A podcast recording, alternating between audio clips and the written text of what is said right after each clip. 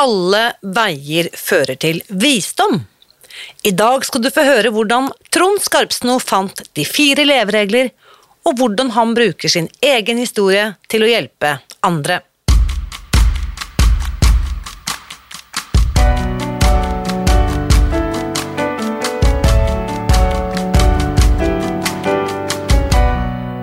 Mitt navn er Irina Lie.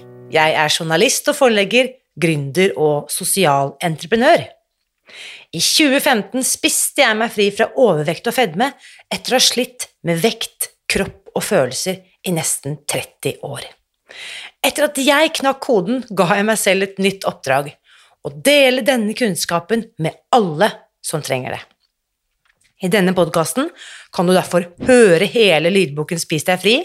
Den finner du ved å bla deg tilbake i arkivet og lytte til første sesong. Hver uke inviterer jeg nå gjester som gir deg påfyll til hodet, hjertet og magen. For min visjon er å endre Helse-Norge, og det får jeg ikke til alene.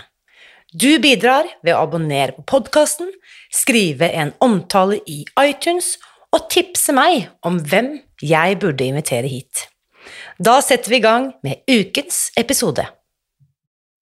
For å være villig til å endre deg, må du ha det vondt nok. Det er et av de bærende prinsippene for tolvtrinnsfilosofien, som er en viktig del av fundamentet til Spis deg fri-metoden.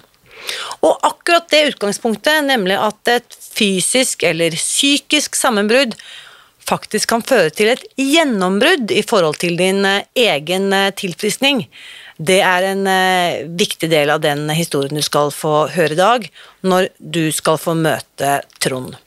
Og før jeg slipper til eh, ukens gjest, så vil jeg invitere deg til et veldig spennende webinar som jeg skal ha i neste uke.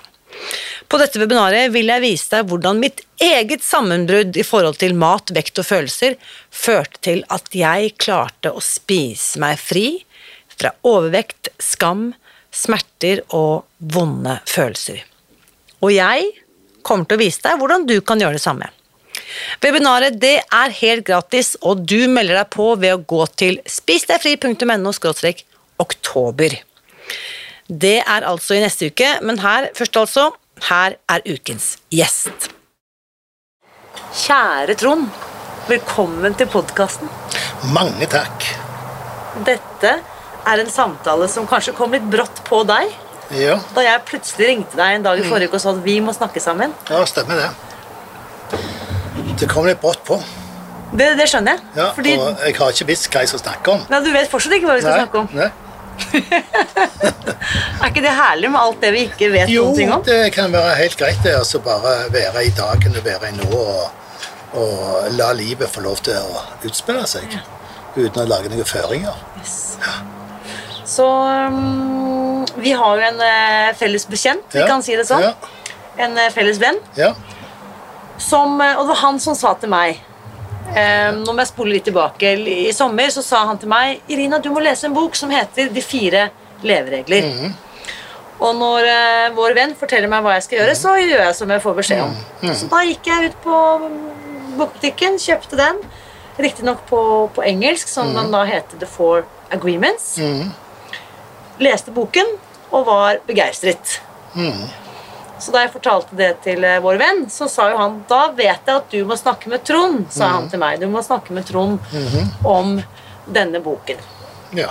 Så det er grunnen til at jeg ja. ringte deg, og at, og at vi nå sitter her. Ja, ja, og det visste jeg jo. At det var det, men jeg visste ikke hva dette gikk ut på, for å si det sånn. Ja.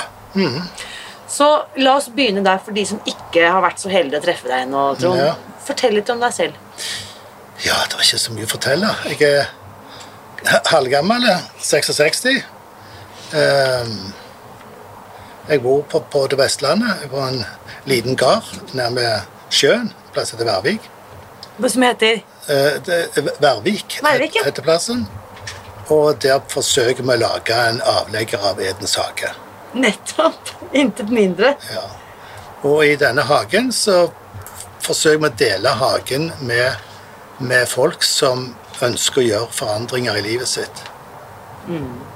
Og det er da spesielt eh, eh, ja, I de senere årene så har vi, vi har jobba med mange forskjellige ting. Vi har jobba med alt fra eh, unger som ikke hadde det ferietilbud, hvor vi hadde da ponnier, shetlandsponnier, og tok de med på fottur i, i fjellet.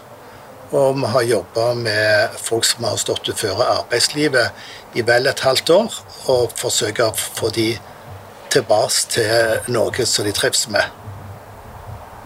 Eh, og så så vi da etter hvert at vi fikk mye av problematikk som jeg sjøl var ganske kjent med, som gjaldt rus, kriminalitet Ja. og vold.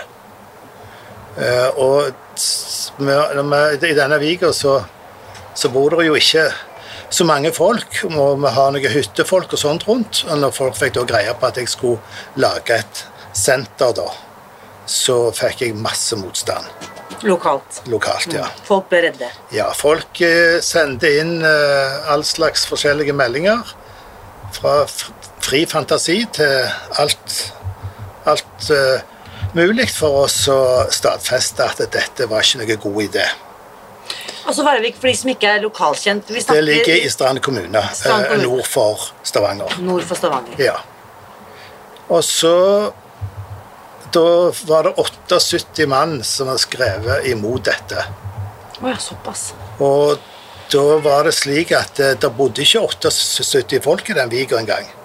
Så jeg skrev da brev til kommunen og spurte om det var både undulater og marsvin og alt som de skrev under her, for det er jo ikke så mye med folk her inne.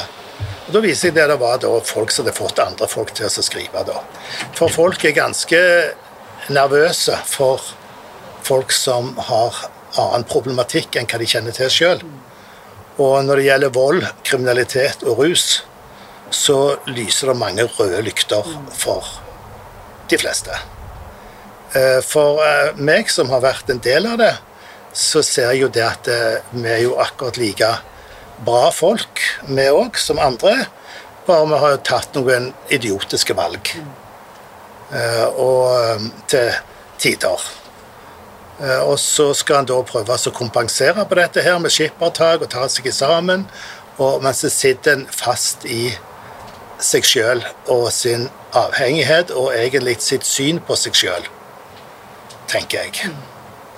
Eh, så når jeg da får så hopp, hoppe litt i dette her, så Altså, Hvilket år er dette, når disse 78 underskriftene kommer? ja, nei, Hvor er vi? det, Hvor langt det tilbake husker er jeg ikke, men vi er tilbake i hvert fall en eh, 15 15-20 år tilbake. Nettopp. Mm. Så bare for å Ja, hoppe litt i tid, ja, dette ja. er i dag etablert som en eh, Kaller du det institusjon, eller? Nei, jeg kaller det Fjordhagen. Fjordhagen. Som er et sted og Fjordhagen er liksom et sted hvor vi ikke kaller pasientene eller brukerne eh, for noe annet enn elever. Elever. Så de er på et livsmestringskurs. Yes. Ja. Fantastisk. Og, og grunnen til at jeg har noe å gjøre på den plassen der, det er jo det at jeg, at jeg er alkoholiker sjøl. Og jeg har eh, vært så mange hundre ganger i fullarrester at jeg har ikke tall på det. Og jeg trodde jo en stund at eh, dette skulle bli min bane, kan du si. At det, det var umulig. Det virka som det var totalt umulig å, å bli edru. Så traff jeg på en kompis til faren min som hadde blitt edru en plass. Han var en kaptein som hadde kjørt rundt med store supertankere eh, sju ganger rundt hele jorda. En som heter Hagbart. Og han eh, Det var en gang når jeg var på vei hjem fra byen, eh, at, og det var siste ferja, og den går videre fra Tau, hvor jeg skulle av, og så går han videre til Finnøy. Og så går han direkte til Stavanger igjen. Så når jeg da ikke hadde kommet meg av på Tau, så tenkte jeg jeg skal opp og ta han der helvetes kapteinen som ikke har fått meg av. Det var jo selvfølgelig ikke min feil, det var jo, det var jo han der jævla kapteinen. Og jeg for opp der, og så ser jeg jo det at Nei, det er jo Hagbert, han kjente jeg jo, som er kapteinen. Og det er en uh, myndig mann. Og så spurte jeg om han kunne gå meg inn til tau, da. Nei, det kunne han ikke, for de måtte gå til Tau måtte holde ruta. Selvfølgelig. Så sier jeg at da, da må jeg få en redningsvest, sier jeg, så jeg hopper av med det marsjsovet, så svømmer jeg resten. Var jo dritfull da.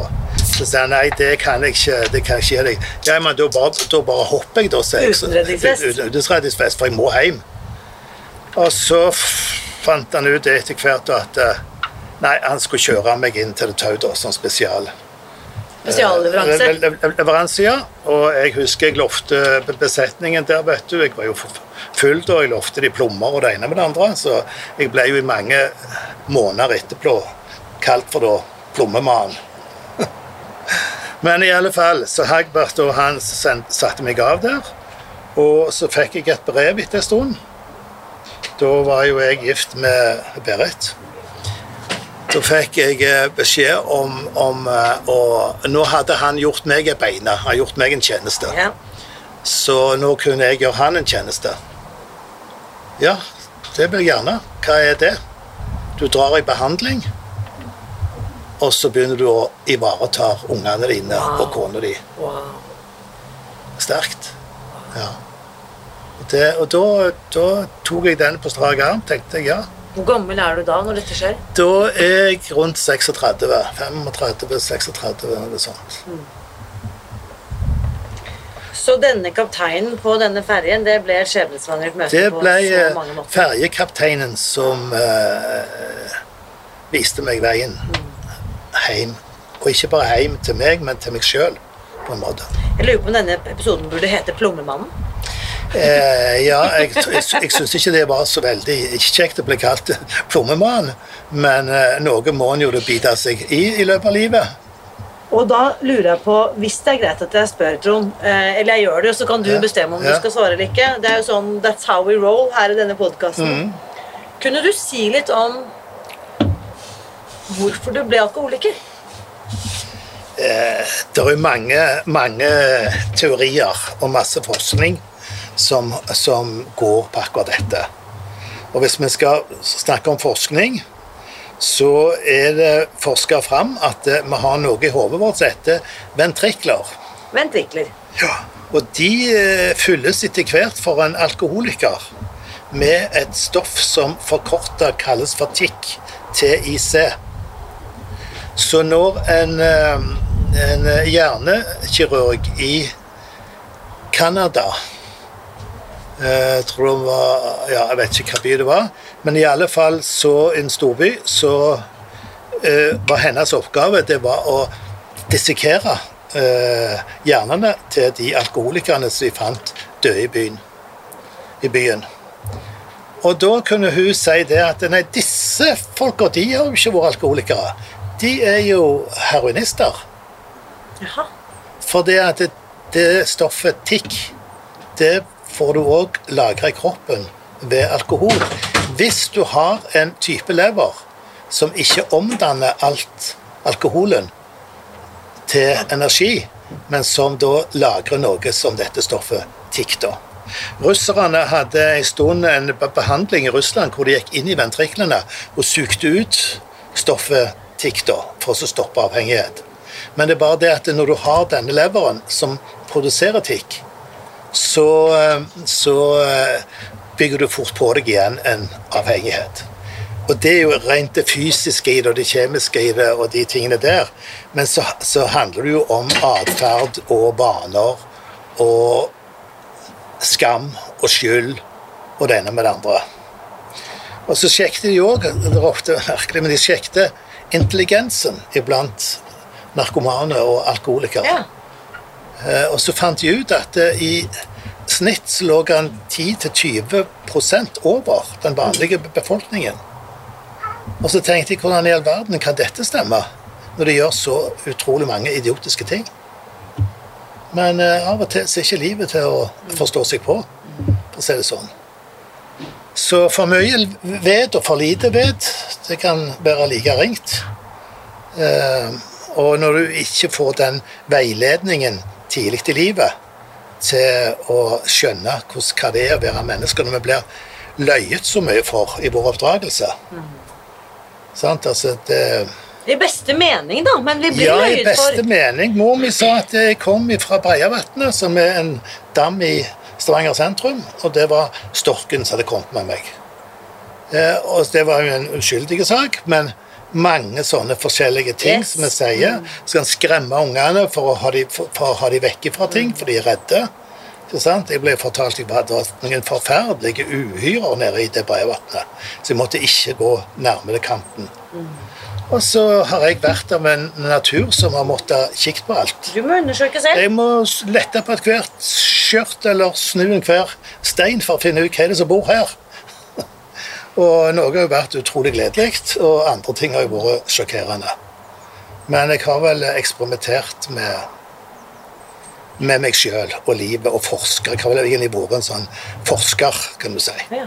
Det er interessant, for det, uten, noe forskningsstatus. ja, uten noe akademisk Ja, det det. vekttall på innsatsen Ja, der. Men, men det er interessant, for det, det lille vi snakket sammen på telefonen før vi nå møtes i dag, det er jo også, sånn som du vet, Spis deg fri handler jo også om Mm, i stor grad dette i forhold til matavhengighet. Og da sa du noe veldig klokt, nemlig at avhengighet er avhengighet. Mm. Noen av oss går løs på alkoholen, andre tar rusen, og noen tar sukker eller maten. Mm, og så er det lett for å flytte seg Ja, ikke sant? til andre ting. Så når du da kutter ut alkoholen, klarer du det når du først har bestemt deg og følger eh, kaptein Hegerbarth sin eh, anbefaling? Er du da liksom eh, Våkner du neste dag og er alkoholfri, eller hvordan Nei, jeg var jo i en, i en behandling som varte en stund. og Jeg kom meg hjem og tenkte at Fy faen, tenkte jeg, nå er jeg alkoholiker. Jeg er jo akkurat i livets vugge omtrent, følte jeg, liksom 36 36 år.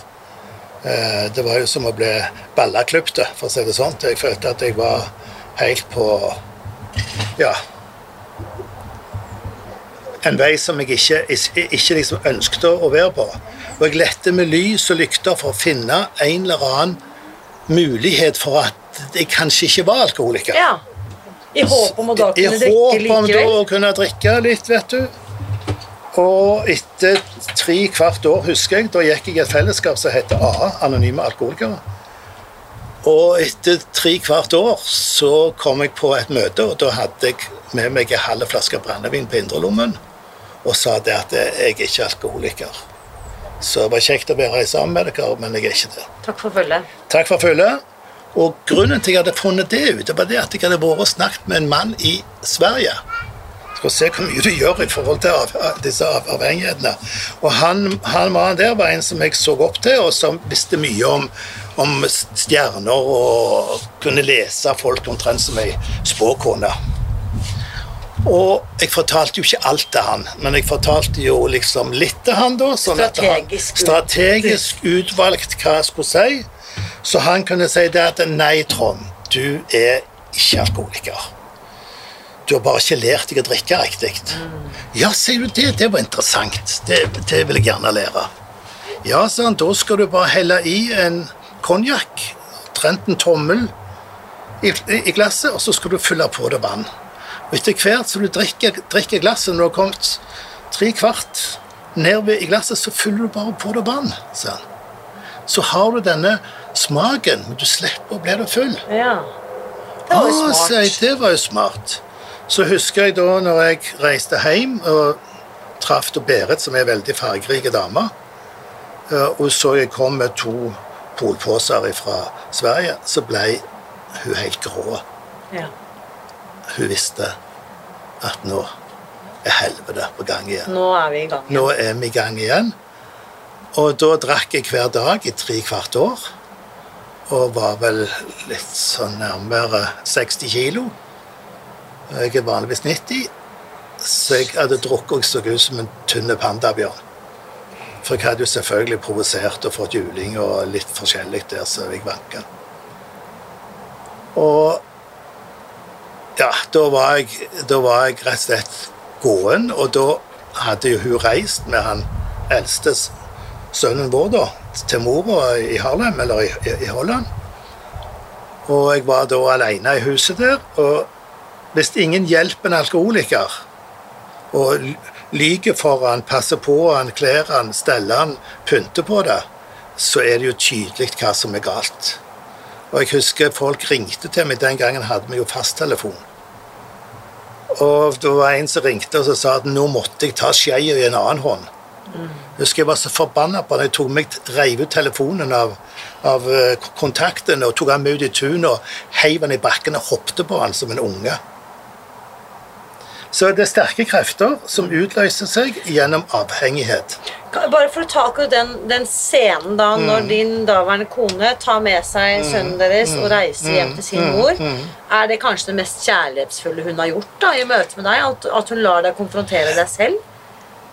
Ja, altså, jeg tror ikke hun, hun tenkte på der og da, så, så tenkte hun nok bare på å komme seg vekk. Selvfølgelig. Men det at når du kan se på det etter på klokskapens lys, så er det klart at hun, hun gjorde noe viktig både for han, øh, sønnen vår, og for seg sjøl, og for meg.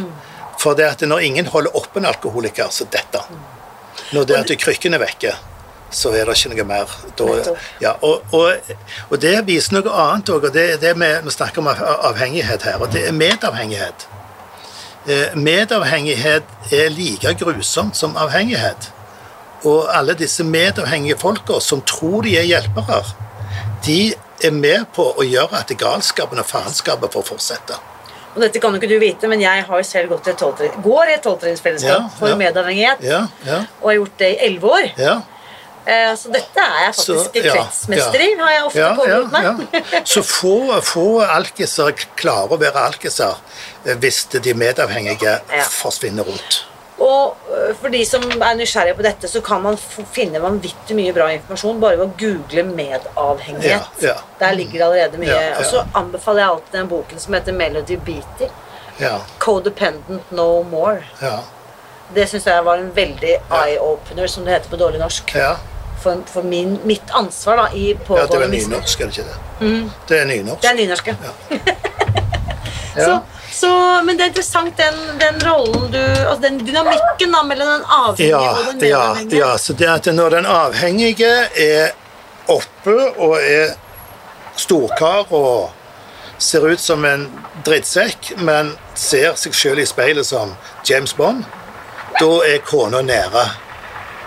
Og lågt nede og, og liksom og trygt.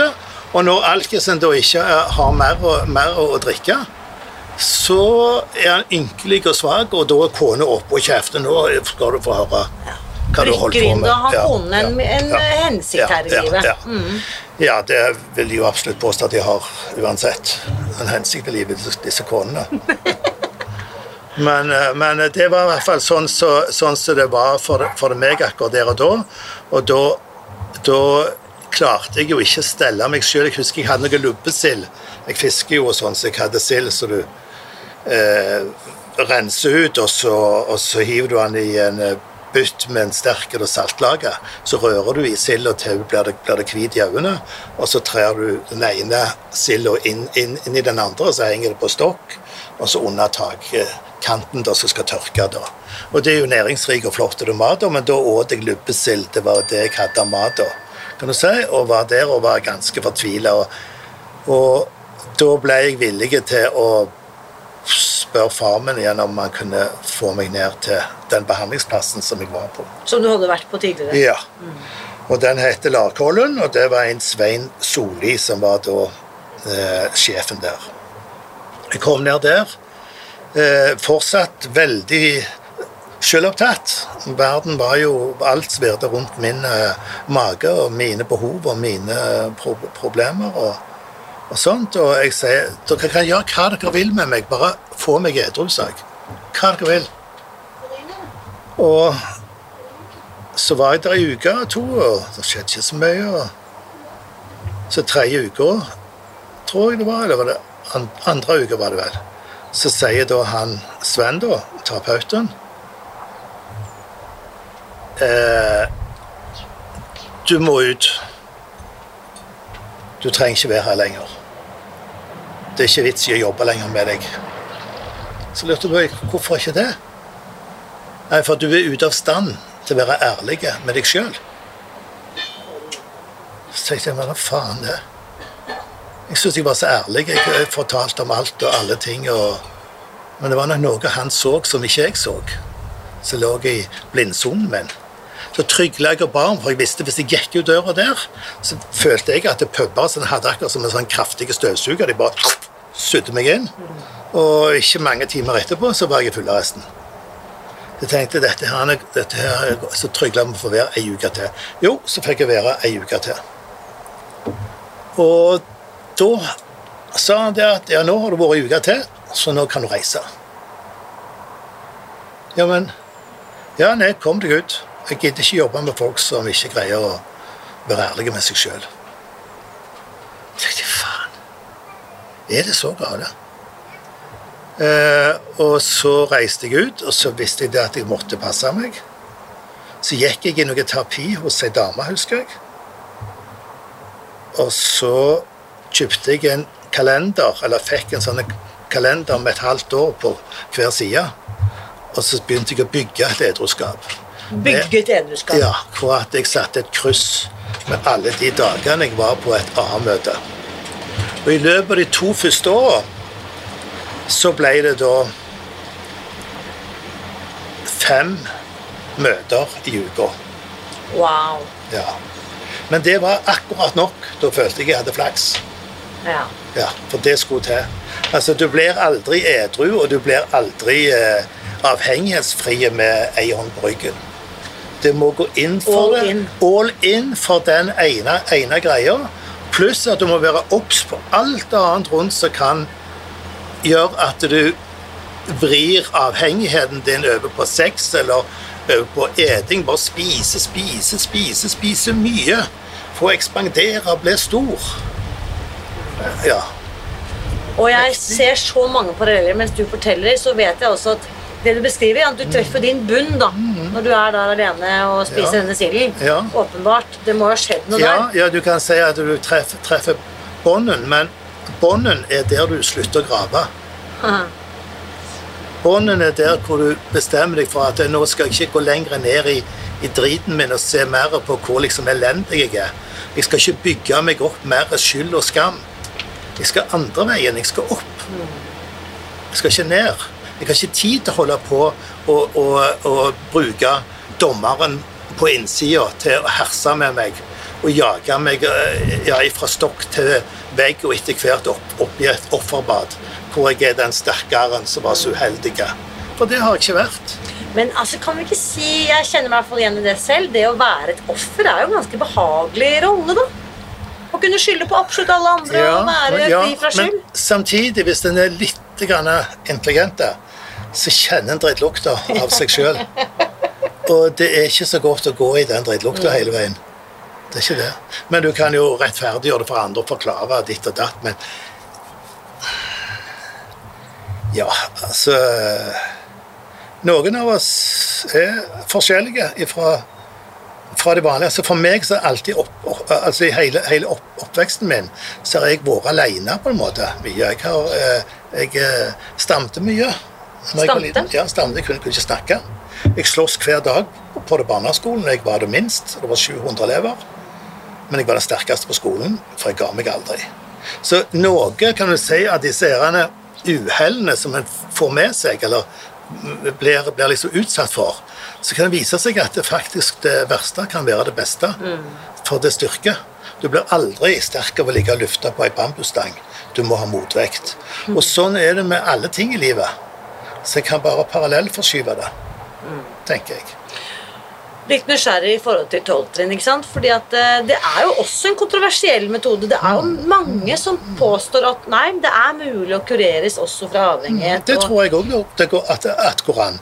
Men etter hvert når du har vært edru så lenge og holdt på med så mye faenskap når du drakk, så er det ikke så interessant igjen å komme tilbake. For jeg har jo aldri hatt lyst på et glass rødvin. Nettopp. Jeg begynte jo aldri å drikke på to øl i kjøleskapet. kjøleskapet. Først måtte jeg jo få slengt masse med drit i trynet på kona. Så hun var dasse jævla fitte som ikke forsto noe. Og så utpå og ta tak i det og bånn gass. Og så komme s- slukøra hjem og be om godt vær igjen. Ja. Og da var det akkurat som stormer reis Ja. På innsida. Det var liksom umulig å stoppe. Så den der drinken da, som man topper det hele med, det er egentlig bare toppen av kransekaken. Her har det vært en perfect storm som har fått marinere, og Ja, det- emosjonelle cocktailer og alt som er i gang. Ja, det er ikke det er det som jeg sier på som en sånn litt sånn flåsete vits da, med at det, det er ikke før kassen er på det bordet og barnevernet henter ungene at festen begynner. Ja. Ikke sant? Det, det er jo grusomt. Og spesielt for de små. Nå Heldigvis så, så har ikke ungene mine opplevd så mye de siste. Men de to første har jo fått opplevd en far som lå og sov langt utover dagen for han var, var dårlig. Eh, Så ble det da eh, Berit eller, eller andre damer som passet på dem. Det er det som jeg skulle gjort. ikke sant? Så, for jeg var ikke, var ikke i stand til å være den faren som jeg mente jeg burde ha vært. Ja. Så det er, det er, en, eh, det er en jævlig sykdom, for det, at det følger med så mye skyld og skam. Og den skyld og skam den kommer du ikke vekk fra uten å snakke om det og normalisere det. Og rett og slett eh, ta det opp eller så, «Å, han, er, han er alkoholiker. Sant? Han er alkis. Han kan ikke drikke. Går du fortsatt i AA? Eh, jeg har jo egne møter hjemme, som er. AA-NA-møter, som jeg er på av og til. Men jeg jobber jo med dette hver dag. Ja. Sånn at uh, jeg, jeg, jeg går ikke så lever i mye programmet. Jeg, ja, jeg, ja, jeg lever i, i, Ja. i det hele veien. Så, og så nå har jeg jo da, sånn som du var inne på i starten her, med at jeg har sett på andre ting som for liksom å leke altså, det, Dette har jo blitt mer liksom en slags sånn stunt eller maraton å være edru og telle dager og få på brikker og, og liksom Ja. Eh, skal bygge det sånn. Men så eh, har jeg, jeg har hatt så lyst til å få fred. Fred med meg sjøl. Ikke måtte stå til rette og stå i rette og bli målt og veid og ha argusauer over meg. Eh, enten egne argusauer eller andre sine. De er ikke behagelige uansett. Så da var det jo det at eh, jeg var heldig. Jeg hadde ei elskerinne eller ei venninne ei stund s- når det ikke var så godt forhold. Og hun kom med denne boka, 'De fire Ja, det, ja ikke, dette er overgangen da. på Vet du, vet du hvor langt tilbake vi er nå? For den er jo en klassiker. Den Ja, jeg den hadde vært edru en god del år. Lurer på om den kom på midten av 90-tallet, kan det stemme? Eh, Ja, det kan nok stemme. Det står i hvert fall i boka. Ja. Når det ble gitt ut. da. Først på spansk vel, og så på engelsk. Men i alle fall så lå den boka der, og hver gang jeg kikket i den boka, å herregud, enda noe mer sånne eksperter som vet hvordan du skal gjøre alt riktig. Og jeg følte det var Jeg bør bare lese det. Ja. Ikke sant? For at jeg hadde den holdningen til det. At jeg var så lei av å høre du må ta deg sammen, du må forandre deg, du må for, for, for, uh, deg, du kan ikke holde på sånn. Men, eh, Men noe må jo ha så, så lå motivert deg. da. denne, ja, så lå denne boka der, og så kom Reidun inn, da i, ja, i livet mitt etter at uh, Berit flytta. Uh, og så så- Reidun er hun Det- det- kvinnen som du i dag er gift med. Ja, det er min elskede. Ja. Og i den tida der, da hadde jeg to utenom kona. For jeg hadde jo ikke måtehold. Verken når det gjaldt det ene eller det andre. Og så fant hun boka, og så sa hun Dette er bra. Dette er bra, ja. Ja, dette, her er det noe. Ja, så leste vi litt grann sammen, og så syntes vi det var bra. Og så bestilte vi en tur til Mexico. Ja, fordi vi må bare da skyte inn. Ja. Forfatteren av denne boken, Don Miguel Ruiz. Don Miguel Ruiz, Mm. er fra Mexico. Mexico, ja. Han er en av, en av sånne indianere som hører til noe som heter en ørneridderslekta. Det høres jo fantastisk ut. Og um, når du treffer han, så er det akkurat en vanlig mann som du kunne ha Ja. sittet på sida av på bussen. Er han ikke utdannet lege, da? Jo, han er utdanna kirurg, hjertekirurg. Hjertekirurg? Ja, men så hadde han vel et hjerte for andre ting. Ja. Og det var nok mora. Og mora var den store læreren til, til han. Og hun het Marguerite, Margrit eller Margrit eller et eller annet sånt. Og hun var faith healer. Faith healer. Ja. Og de var jo vant med der hjemme at det der skjedde mirakler hele veien med folk som kom inn. Så det er kraft i, i disse tingene, mm. disse enkle tingene. De, som- de som har glemt ut gjennom oppdragelsene hva vi skal, hva vi må, og det ene med det andre. At det, livet skal bare leves, og livet skal, skal um, være fritt. Og for sånne frie sjeler som jeg har vært, så er det vanskelig å gå i eh, tøyler. Jeg bilder fra jeg var liten da med at jeg, de hadde bundet meg i senga. Og så klatra ut med, med madrassen på ryggen. Skal man? Ja, ikke sant? Sånn, og så eh, var jeg jo vekke, jeg rømte jo hver dag og var ute på å undersøke verden. Så den store, fantastiske verden med alle de drømmene en har når en er liten og ser hauger og natur. At der vil jeg gå når jeg blir stor, og det vil jeg gjøre. Det vil jeg gjøre. Det så kjekt ut. Men interessant når du forteller nå, for nå kommer jeg jo på at jeg også var en som rømte absolutt hele tiden. Stakk av, ville ikke Ja, innordne meg. Og da tenkte jeg Dette internaliserte jeg jo veldig tidlig, at det var meg det var noe galt med. Ja, ja. Men kanskje det bare var verden som ikke var tilpasset Stemmer det. Sånn det tenker, ja, det tenker jeg. Og så fikk jeg jo mye, mye juling av dette Ja. her. For det at de skulle prøve å oppdra meg da. Ja. Men jeg lot meg ja, irettesette meg, ja, men jeg lot meg ikke oppdra. De kunne kue meg, og kunne, de kunne gjøre meg til en øyentjener, men de kunne ikke forandre meg. Mm. Så når jeg var fire år, så tenkte jeg det at når jeg bare blir voksen nok, så hvis jeg overlever, så skal jeg kvele de. Oppdragerne mine. Og det er jo en, det er jo en bør å ha med seg dette her hele livet. Ikke sant? Og, så, og alle de forskjellige alkoholikerne og avhengighetsfolka de har ting som de har eh, jobba med og knust seg sjøl med på innsida på et eller annet vis. Eh, og det handler jo det at vi, vi Tidlig så kommer vi med på skolen, liksom, og så, og så er det kjekt, vet du, noe nytt. Og så forteller jo frøken oss hva vi er. Men så forteller hun oss hva vi ikke er, og burde vært. Og der begynner det. Jeg burde vært noe annet enn hva jeg er. Jeg må ta meg sammen, jeg må lese. Lese opp hva de pres presidentene og hærførerne og alt hadde gjort når de var små. Og så sitter du der, og så er du jo midtpunkt i verden når du er liten. Du er, du er jo senter for alt. Et gudebarn. Og har muligheter og blir så full av løgner. Som er så vel meint, Som er så vel ment. men som ikke fungerer. Så Så, så jeg, er jo, jeg er jo glad for den. I dag så kan jeg sitte og si, og det trodde jeg ikke at jeg noen gang skulle kunne si, men jeg er jo glad for den tøffe, harde oppveksten jeg fikk. For det gjorde meg ganske motstandsdyktige. robust, ja. Ja. Så øh, når vi da er kommet da et stykke frem i tid Du reiser til Mexico, eller dere reiser til Mexico, du og Reidun reiser til Mexico Ja. for å være med på en workshop Men, da, ja, da- med Don Miguel ja, Ruiz. Ja, da reiste vi, ja. Så reiste vi før en plass som heter Teotihuacan. Den store pyramidebyen før Mexico City. Der det ble sagt at mennesket ble Gud. Ja. Og da var det en del pyramider der som var oppe, og en del lekser og sånne ting.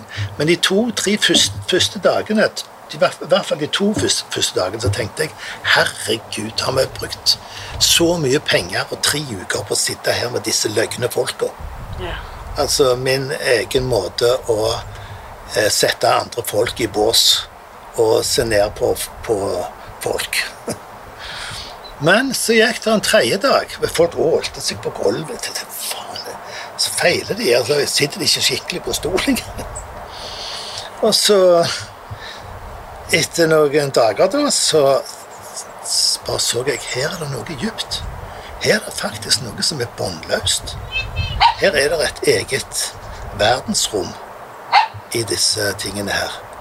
Og så ser jeg det at etter hvert som jeg leser disse bøkene som jeg leser, så leser jeg en ny bok hver gang jeg leser boka. Samme boken, ja. ja. For jeg leser på en annen måte, og jeg er en annen plass i meg sjøl. Og så begynte jeg å skjønne etter hvert at når jeg leser for elevene mine, så leser jeg like mange bøker som det er folk som sitter der. Så hvis det er 20 elever, så leser du faktisk 20, 20 forskjellige bøker, ja, samtidig? Ja, ja. Og så for det, det, det er jo dette med ordet. Vi, vi har lært så mye om eh, hva ordene betyr, men så har vi òg lagt følelser i ord. Og disse følelsene er forskjellige for oss. Og vi har òg, sikkert de fleste, i hvert fall jeg, har, har ikke lært så mye om hva ord betyr helt heller. For jeg har vært rask og ja, ja, jo, var greit, det, jeg forstår det, og så videre. Og så fikk jeg ikke med meg Jeg har alltid irritert meg over lærere som skal si de samme tingene tre-fire ganger på, på, på liksom for forskjellige måter. Men jeg har jo etter hvert og, og, og lært at eh, hvis jeg bare hører etter lenge nok, så skjønner jeg mer enn hva jeg skjønte første gangen. Og sånn er det jo med, med dette òg. Og så og så når vi da var der, ja, så var vi, var vi der i ei uke. Så var vi ei uke på en, i en by, en kunstnerby som heter Oaxaca. Og så tok vi ferie etter derifra. Det var en helt, det var helt sånn, det var en drøm. Å Gå i disse gamle, gamle templene og Men nok om det. Og så reiste vi da ei, ei, ei uke til Alcapulco. Ja. For der bodde Tarzan, og der bodde John Wayne. De var heltene mine da jeg var liten. Når vi sprang ut fra kinoen, så var alle Tarzan. Koselig, vet du. Ja, så kom vi da, da, da hjem igjen, og så meldte vi oss på kurser igjen og sånn. Og har holdt tak i de folka. Og de på en måte hjelper meg med sin forståelse av dette til at jeg kan lage min forståelse i frihet. Og da må vi rett og slett nå dykke litt ned i hva går disse fire levereglene ut på? Går det an å forklare altså Jeg vil jo absolutt anbefale alle å løpe og kjøp ut og Ja, finne boken ja, med en gang. Den selges og i alle bokhandlere. ja, ja, Eh, både på norsk og engelsk. ja. Og spansk. Og spansk. Um, men går det an å si noe sånn uh, Hva går disse reglene ut på? Ja, det går det an å si noe om. Men uh, uh, jeg har jo lest at det her hundrevis av ganger. Og det blir jo bare større og større og dypere og dypere. Men den første leveregelen i denne boken, det heter 'vær rein i ord'. Og hva menes med 'vær rein i ord'? Skal du ikke banne? Eller hva er det for noe? Nei, det er rett og slett du skal ikke gå imot deg sjøl på innsida med ord. Du skal ikke holde på å rakke ned på deg sjøl på innsida. Og det er den opprinnelige synda. Den opprinnelige synden er å gå imot seg sjøl. Og ifra den synda kommer alle andre synder. Og for å dra det litt ut av et kristelig perspektiv, for dette er ikke noe kristendom i det hele tatt, men det er jo, det er jo åndelighet som vi snakker om. Og vi respekterer jo alle, alle former for det åndelighet. Eh, og vet, Før i tida i Norge det var en liten sånn Apropos, men de ba jo til Odin og Thor, og de ba til vetter og troll, og de ba til Jesus og Kristus og Maria. De måtte prøve å komme på lag med alle for å få gode avlinger og godt unger, at de skulle være friske. Så det ligger i menneskets natur på et vis. da. Jo, og så gjennom dette ærendet med å være rein i jorda, så, så er jo det egentlig det som er det, er det vanskeligste i starten. Og det, det som er vanskelig, det er jo når det at du oppdager at du ikke er det. Og så holde igjen litt før du begynner å si til deg sjøl 'Å, der var du igjen'. Hva tid skal du lære? Du lærer jo aldri. Sant? Men si heller 'Wow, så kjekt'. Der ser jeg faktisk at jeg gjorde feil. Nå kan jeg forandre det. Så det er liksom, det starter med òg en innstilling til en slags eh, studieteknikk, for å kalle det det, da. Med å se, se glasset halvfullt, ikke halvtomt. Altså snu ting til det positive.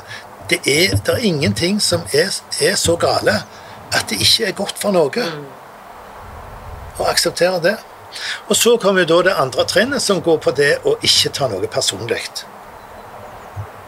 Og jeg har vært ekspert i å ta ting personlig. Det kunne være bare et blikk. Sant? Hva faen du tror du er? Altså Det er utrolig at det går an å være så Og er vi ikke da litt tilbake liksom det du nevnte i stad? At du har jo vært i sentrum av ditt liv og Ja, din virkelighetsoppfattelse. ja, Og da blir jo alt personlig. Ja, ja. Og, og, og nokså aleine der. For jeg har, jeg har følt at jeg har vært annerledes og, og, og gal, på en måte. Og da setter du deg sjøl på utsida. Og de fleste av oss har jo satt oss sjøl på utsida. Det er ikke andre som har satt oss på utsida før lenge etterpå at det- det, dette det, her har kommet til overflaten og blitt så mye at folk bare ikke orker det lenger. Men det er nok det at vi setter deler av oss sjøl på, på, liksom utsida. Jeg tror at all, all avhengighet handler om det at vi er inne i en tvangstrøye som vi ikke holder ut. Vi må finne en eller annen måte å stikke av på. Ja. Eh, Så hvis du greier å gjøre akkurat de tingene du har lyst til å kose deg, så tenker du ikke på mye på hva du skal spise eller drikke. Altså, da, da, da gjør du jo det du har lyst til. Så det å ikke ta noe personlig Ja, og det er så ekstremt som en holder en pistol til hodet ditt. Da trenger du ikke ta det personlig. Det handler ikke om deg. Det handler om vedkommende som holder pistolen. Så ekstremt er det. Og Jeg husker når disse naboene mine skulle lage dette senteret, da, eller når de, når de, fikk alle disse herrene imot meg, da. Og det var masse annet òg krøll. Flytta på grensemerker og det var masse surr. Så kommer det en nabo ned og sier ja, du må jo ikke ta det personlig. For faen, det er jo levebrødet mitt. Det er jo her jeg skal prøve å få til noe. Så skal ikke ta det personlig. Du kom inn her på hytta eh, på søndagen. Jeg syns jo han var helt blåst. Men han forsto helt tydeligvis noe mer enn meg. Akkurat der og da. Så for å ta det eksempelet da, Mm. så det handlet ikke om deg, for det handlet om disse 78 personene sin redsel og frykt og usikkerhet. Mm, er Kan vi si det så enkelt? Ja, ja det er så enkelt. Og med, med egentlig god grunn, da.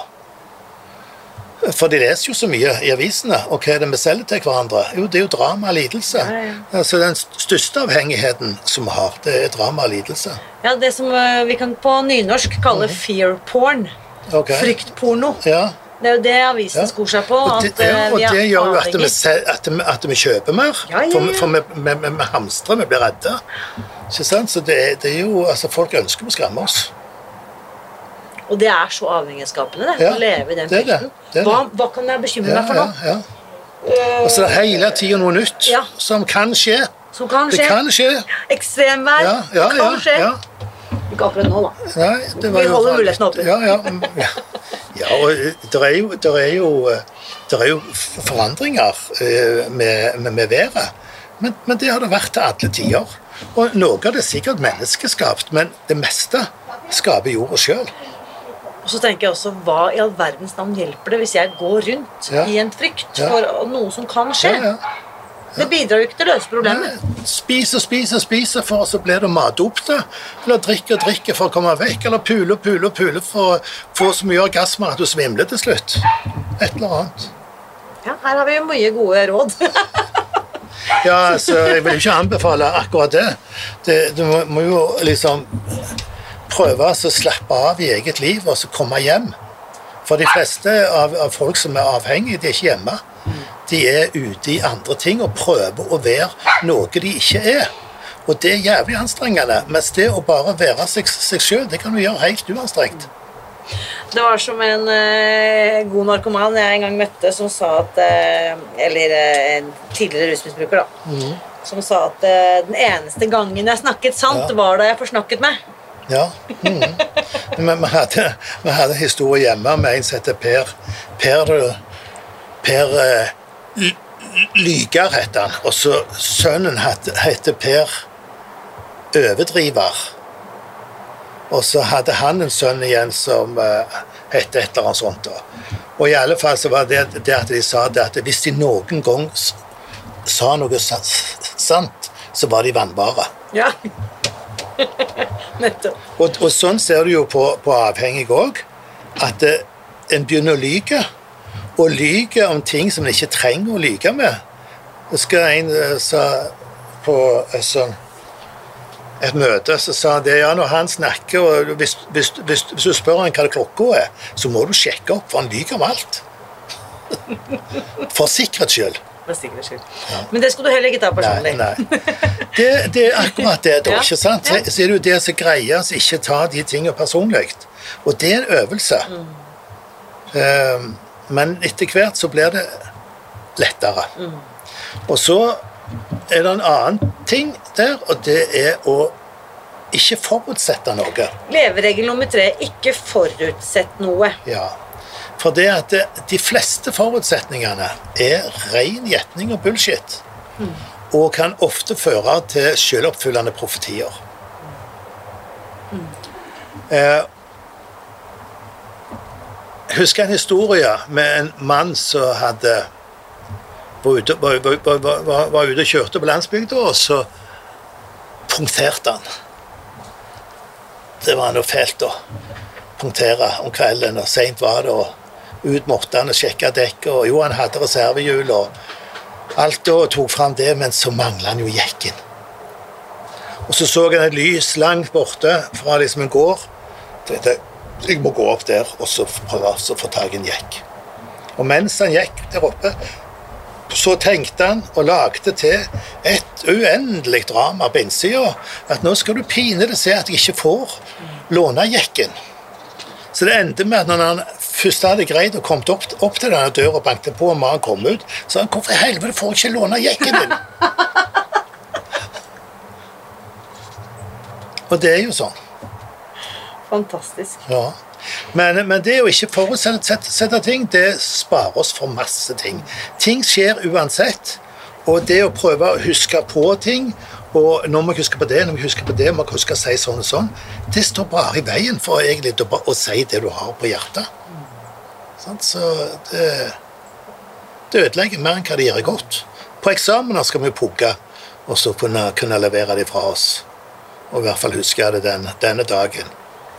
Men i livet så er det jo sånn som Pythagoras sa, at eh, det dere ikke greier å bære i hodet, det har dere ikke bruk for. Så han underviste mellom flo og fjære og skrev formlene i sanden så det sjøen, tidevannet, vasket det vekk. Det var vakkert. Fantastisk. Ja. Så ikke forutsett noe. Det vil si også Altså, jeg pleier å si eh, at jeg liker å ta gleden på forskudd. Fordi da kan jeg trippelglede meg. Både vente og glede og til den dagen kommer.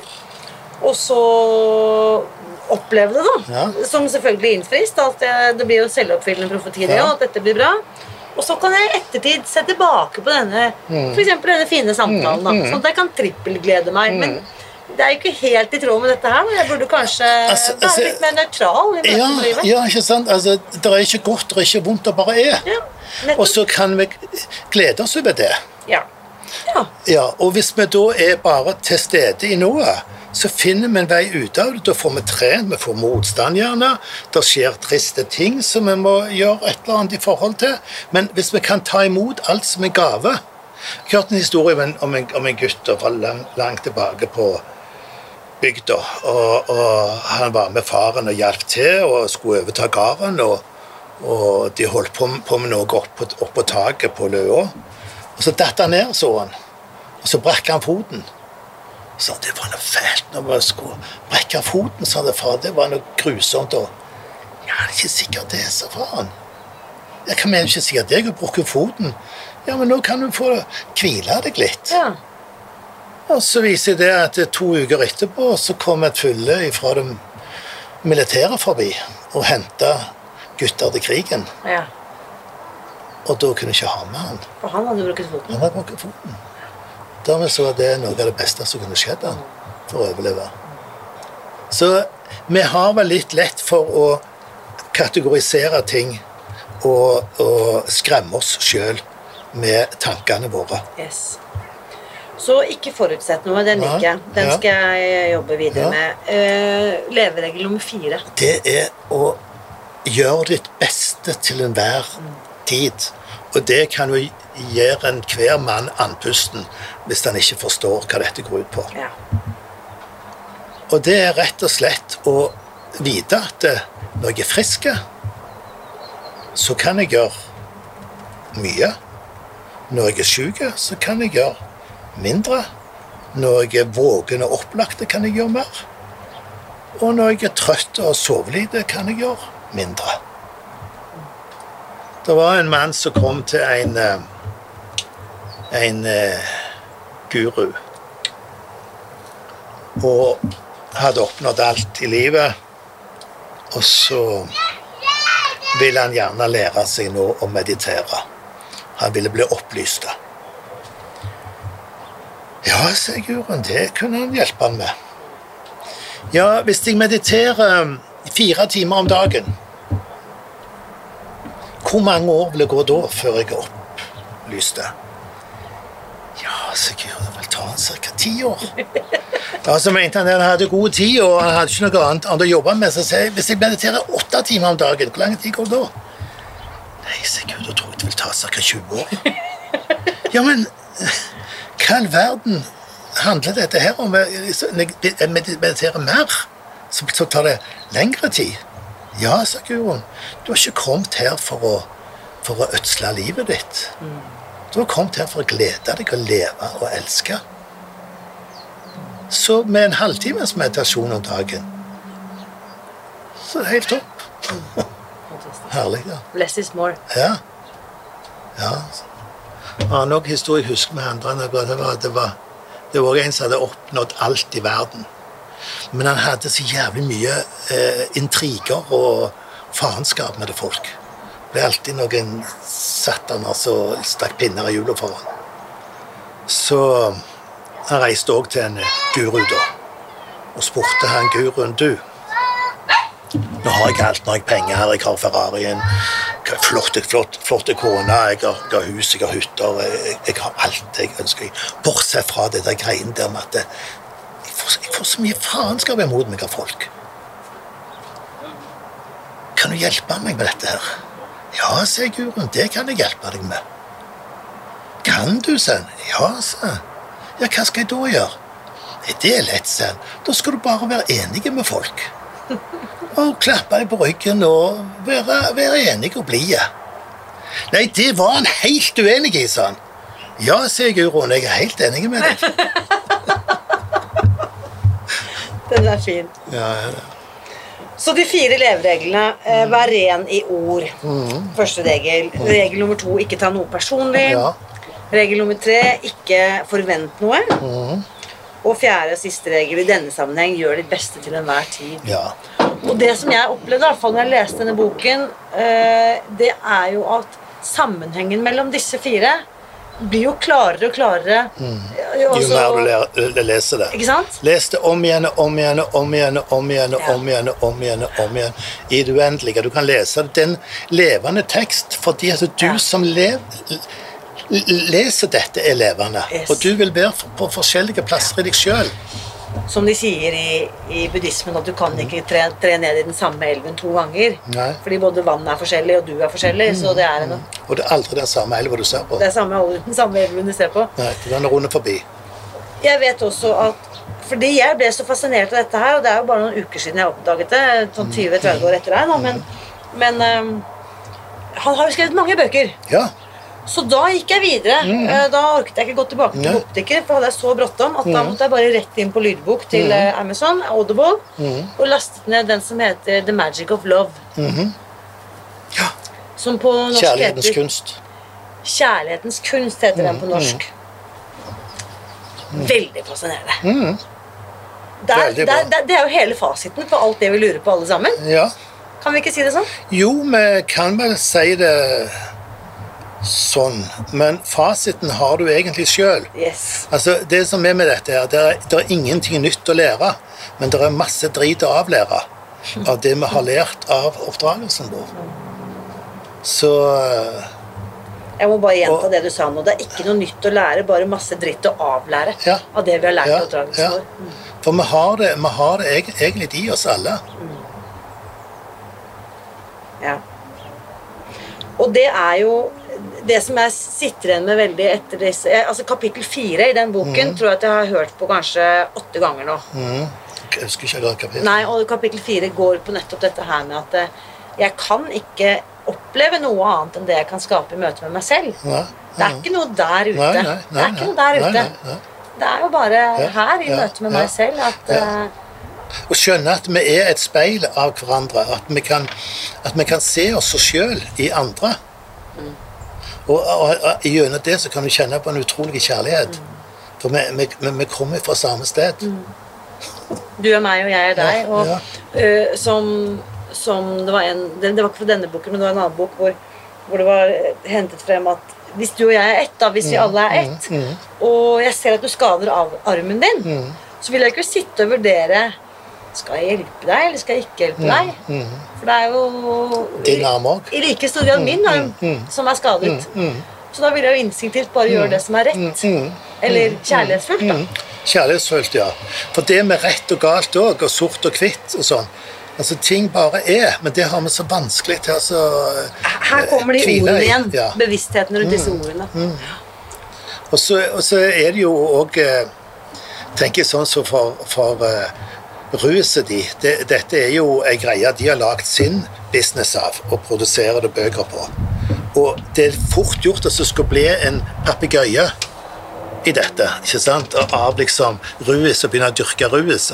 Akkurat sånn som Buddha så sa det at eh, aldri dyrk meg, aldri lag noen statuer av meg. Men det er ingen, der er ingen mer eh, sta- sta- statuer av enn en, en Buddha.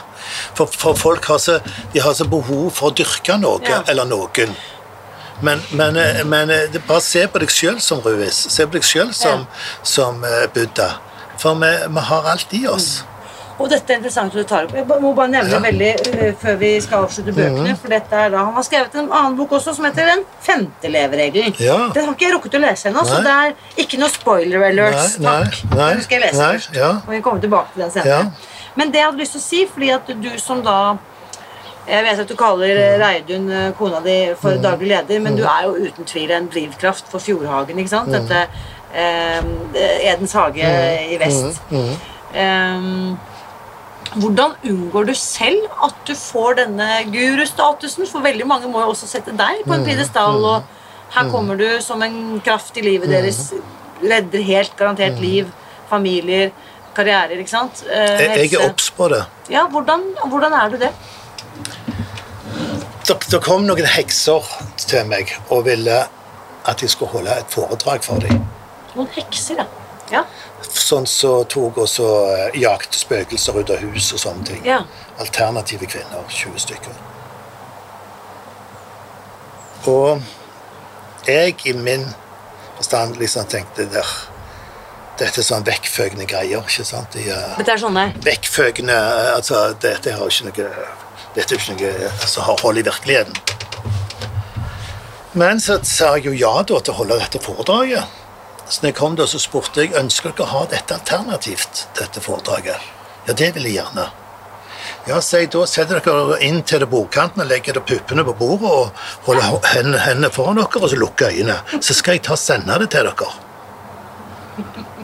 Og så satt jeg og kikket på det klokka i 20 minutter. Så sier jeg ja, det var resten. Nå er jeg veldig spent på hva dere har fått ut av dette her. Og da tenker jeg at vi sender ordet rundt, og så begynner du, Seg. Og det var ikke måte på hva de hadde fått ut av dette. Jeg kunne aldri ha holdt et så bra foredrag. De fikk lage sitt eget foredrag. Og, og da ser jeg liksom hvor Altså, det handler ikke om det om det er rundt. Det handler om det som bare er. Der sjøl. Og vi lager Altså, vi, vi kan ikke bli kjent med andre mennesker. Men vi kan gjerne i løpet av livet bli kjent med oss sjøl. Det er så mange rom i Herrens hus, sier de i, i Bibelen. Men det er så mange rom i mennesket som vi aldri har vært i. Så stadig kan vi åpne nye dører til oss sjøl. Og det å komme hjem er en lang reise. For det er så mange dører som er blitt låst og lukt og murt igjen og skjult. Altså, jeg tenker på en annen måte. Hvis du hadde kunnet heve deg ut av jorda og sett på jordkloden sånn som vi ser på det fra eh, universet, Ja. og så satte vi et laserøye ned på en prikk som kommer ned til ørkenen, så kunne vi trodd Sånn ser den planeten ut. Ja. Og så satte vi det på havet. Ja, sånn så den planeten ut. Eller den og den. Og det er vi så flinke til å gjøre med hverandre. ja. At du er sånn, og jeg er sånn. Ja. Og så vet vi det at det er herlighet. Vi er jo gudebarn. Vi er gudeyngel. Vi skaper jo. Vi skaper unger. Vi skaper oss sjøl. Ja. Og, og det å være klar over den krafta at vi virkelig er magikere. Vi er guddommelige. Og denne historien til, til liksom bibelhistorien som jeg kan flåse ut unnskyld til alle kristne, men, men at uh, Gud skapte verden helt fantastisk. ikke sant? Helt perfekt. Gresset var perfekt, insekter var perfekte, fuglene var, var, var perfekte, dyra var perfekte, vann Alt var perfekt. Bortsett fra menneskene som har skapt det. Og de satte han øverst i skaperverket. Så kan han holde på å tulle med jorda. Så tenker jeg nei, da er ikke Gud heller Gud eller perfekte. For alt er perfekt akkurat sånn som de er. Alkesen som går der i gata.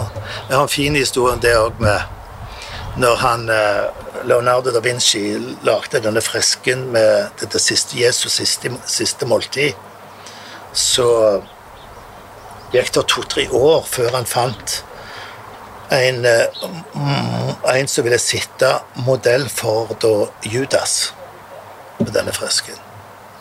Men så en dag da så kom han over en alkis i rennesteinen. Ja. Og så spurte han han da sånn «Eh, Ja, du skal få så mye, mye, mye vin du bare orker, orker, orker å drikke hvis du, hvis du vil være med meg og sitte modell. Ja, ok, greit, da. Det var gode greier. Og han kom inn der da og skulle begynne å male. sa han. Ja, men her har jeg jo vært, vært før, sa han. Å, sa han. Har vært her før? Ja, da satte jeg jo modell for han, sa han, så pekte han på Jesus. Så den, den krafta i det som bor i alle mennesker eh, vi har så lett for å sette folk i bås og punktere enhver ting og ha så meninger. Jeg håper at gjennom å få større og større respekt for seg sjøl, så kan en få større og større respekt for andre. Og så vil mye av dette avhengighetspisset forsvinne med det. Dette er så viktig. Ja, jeg tror det. jeg tror det er så viktig, og jeg vet jo at uh, mange av de som hører på dette, sliter jo med sine greier. Ja, ja. Om ikke nødvendigvis er alkohol. Så tenker jeg at overføringsverdien er uendelig. Eh, Ja, og da kan du si at vær glad for at du er avhengig. For da har du en sjanse til å gjøre noe imot det. Ta imot med to armer, med begge armene. Nå har du en jobb, nå har du noe, noe, noe å gjøre, noe, noe å holde på med. Ikke spring ifra det, ikke flykt ifra det. Jeg må bare stille deg spørsmål også på podkasten, for dette spurte jeg deg om første gang vi snakket Ja. sammen. Om du også tar imot matavhengige i Fjordhagen. Og, Nei, jeg har ikke gjort det. Nei, du har ikke gjort det, fordi at det der er på en måte fellestrekket Ja, rus. ja, Eh, Ja, ja og så og så Ja. Og så er det jo litt av det her òg med at vi setter ting i bås i samfunnet. jo, jo. Og, og eh, men, men selvfølgelig så kunne vi gjort Vi kunne parallelt for, akkurat samme måten som vi jobber på. Inn på matavhengighet, sexavhengighet, spilleavhengighet, samme hva Det er jo som samme greia. Det samme Så greia. kanskje vi en vakker dag Trond, jeg kan komme på besøk, og så kan vi stunte. Ja. Ha et slags seminar Ja, ja, for ja, matavhengighet. da. Jeg vet at Også- veldig mange medavhengige Ja. også er matavhengige, naturlig nok. Ja, ja, for det at de, de spiser for det at de De må sitter der. De må- De de må døyve skitten, ja. Ja, ja. Og mange av oss som er, som er alkoholikere, narkomane, er jo både sexavhengige, matavhengige, avhengige av suffering, avhengig av Ja, ja. lidelse, drama. Ja.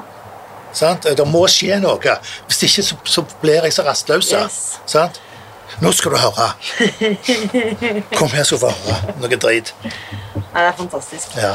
Så um, til den avhengige da, som lytter og sliter, har du noen sånne final words? Nå må du virkelig liksom levere varene her. Kan Trond. ja, skal jeg levere varene. Til den som sliter og tenker at øh, dette, er, øh, dette var ubehagelig eller litt ja. interessant å høre på, eller begge deler.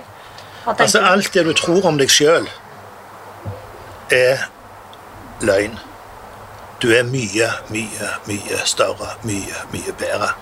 Bare tenk på at bare du tar DNA-et ditt, som ligger i hver celle, og legger det inntil en annen, så vil du kunne komme 100 ganger fram og tilbake til Jupiter. Hvis du strekker det ut, ja. Ja, strekker det ut, ja. Altså, vi er så Blodårene våre kan vi komme rundt ekvator med. Vi er et, sånt, vi er et, sånt, vi er et eventyr av da liv, og vi kan ikke lenger se på oss sjøl som individer. For det at vi har ca. 10 milliarder celler i kroppen. Nå vet jeg ikke om jeg snakker helt sant i forhold til, til, til, til anatomien, men, men sånn cirka der. Og så har har vi 100 milliarder mikrober som lever på alle overflater. Inni oss, inni blodårene, ut på blodårene, overalt. Hadde vi kun sett på oss sjøl med mikroskop. Så ville vi sitte og yrte liv i ansiktet overalt. Midd og ting og tang som lever der. Og i magen i tillegg, som òg er på utsida av oss, der har vi ca. 100 billiarder med bakterier. Og alle disse individene våre de er med Gud for, på, på en måte. Eh, hver celle Til og med liksom Ser du på enkelte celler, så ser du at det er mitrokondrier der. Det er gamle bakterier som har gått så i allianse med oss at vi har det med oss i genetikken vår. Og alle disse bakteriene produserer kjemi som påvirker oss som gjør igjen at vi strekker oss etter det og det. Så med feil bakteriekultur så går du og så ønsker deg sukker, eller du ønsker deg den, den maten eller det det. Nå er vi nede på det planet. Og som ikke det var nok, så inni disse bakteriene igjen så bor det virus, som òg produserer kjemi og styrer bakterien. Og skulle en tro at den stoppet der, men inni de virusene er det faktisk enda mindre virus som styrer de igjen. Så vi kan jo lure på hvem er sjefen? Hva er det som gjør at de tenker og gjør og holder på med det jeg holder på med? Så når jeg skal snakke om meg, skal vi snakke om oss. Vi. Mm. Alle oss. Alle oss, ja. Og, og, det er jo, og så ser du på et tre, eksempel. Det er et pæretre. Hvor mye liv er det ikke det pæretreet? Det er masse forskjellige sorter med lav. Det er masse andre planter som vokser på det. Det er fugler som holder til det, det er reier som holder til i det. Det er masse insekter. Alle, alle insektene blir knytta opp mot forskjellige trær. Alt henger sammen. Og hvis vi greier å få til en dominoeffekt i det, så kan det jo bli ganske bra, tenker jeg. Det starter med litt, og så kommer den ene, så kommer den andre, så kommer den tredje. Når det gjaldt eh, AA-programmet, så var det jo Bob og, og Bill da, som starta det.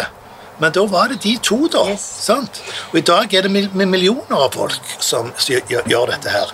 Og så, så, sånn som Rue sier òg, ikke tro på meg, sier han, men lytt. Lær deg å lytte. For du vet ikke hvor jeg har fått ordene mine fra.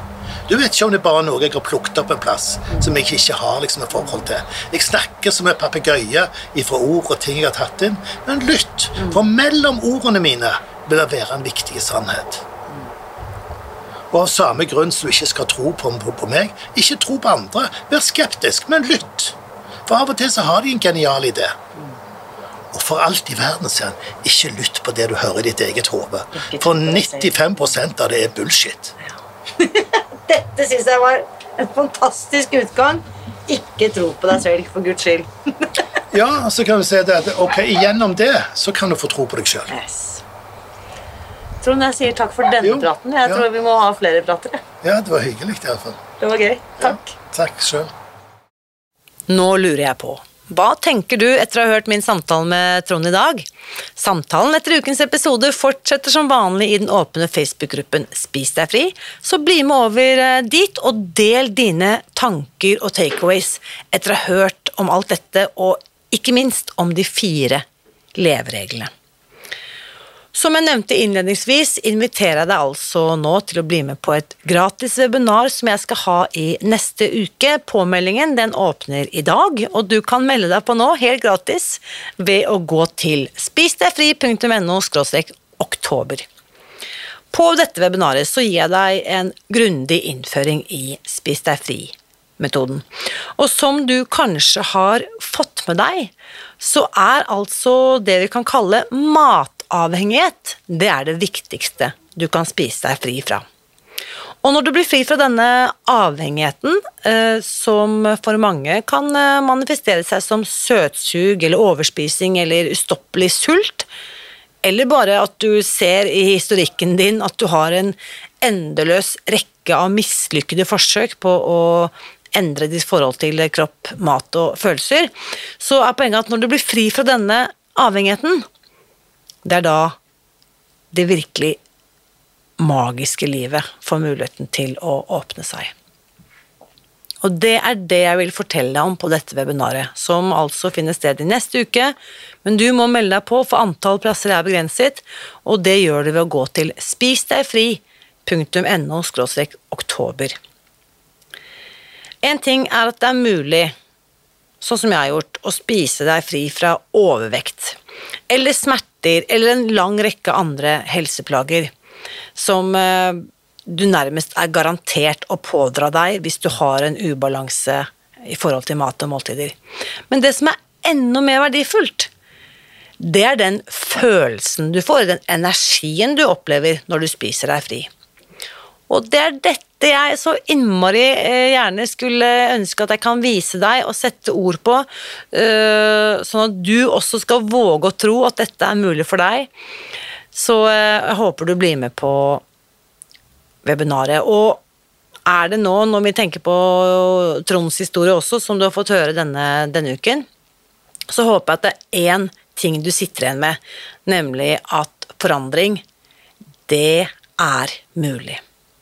Det finnes nemlig alltid håp, og det er en lysere, lettere og friere fremtid som venter på deg og jeg kommer altså til å vise deg hvordan du kommer deg dit når vi møtes på webinaret i neste uke. Så gå til spisdegfri.no oktober, så møtes vi snart. Det gleder jeg meg til. Husk også, uansett hva slags avhengighet du måtte sitte fast i, så vit at jeg heier på deg. Alltid.